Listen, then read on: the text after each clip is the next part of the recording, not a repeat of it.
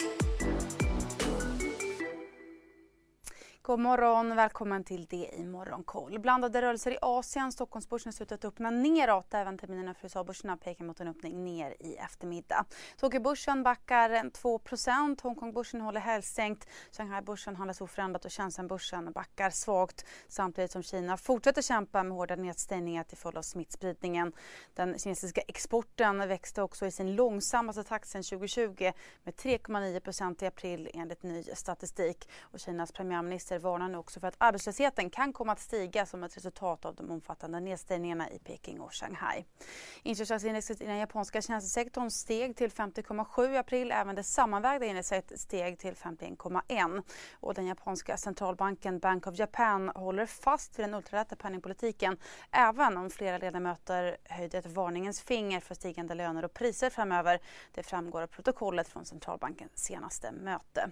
Priset på bitcoin och andra kryptovalutor har har fortsatt falla tillbaka under helgen. En bitcoin kostar nu under 34 000 dollar och är därmed ner runt 50 sen toppen i november. Samtidigt så fortsätter dollarn att säkras mot flera valutor. Den indiska rupien däremot har försvagats till en ny rekordlåg nivå gentemot dollarn. Börserna på Wall Street stängde neråt i fredags. Fortfarande backade en halv procent och Nasdaq-börsen föll en och en halv procent efter att den viktiga amerikanska jobbrapporten någon form vi är specialister på det vi gör precis som du. Därför försäkrar vi på Swedea bara småföretag, som ditt. För oss är små företag alltid större än stora och vår företagsförsäkring anpassar sig helt efter firmans förutsättningar. Gå in på swedea.se företag och jämför själv.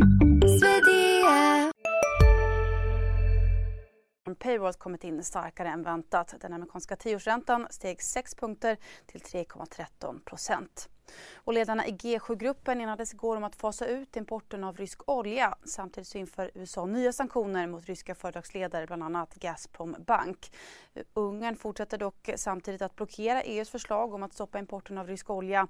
EU hade ju hoppats på att få klart sanktionerna till idag då ju Ryssland firar segerdagen från andra världskriget.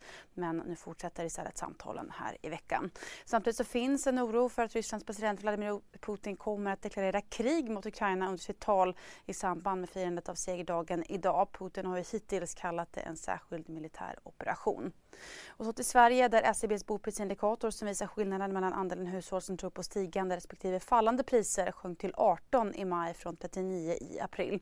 Enligt SCBs privatekonom Americo Fernandez är det den senaste tidens räntedebatt som fått hushållens förväntningar på bo bostadspriserna att kraftigt vända ner.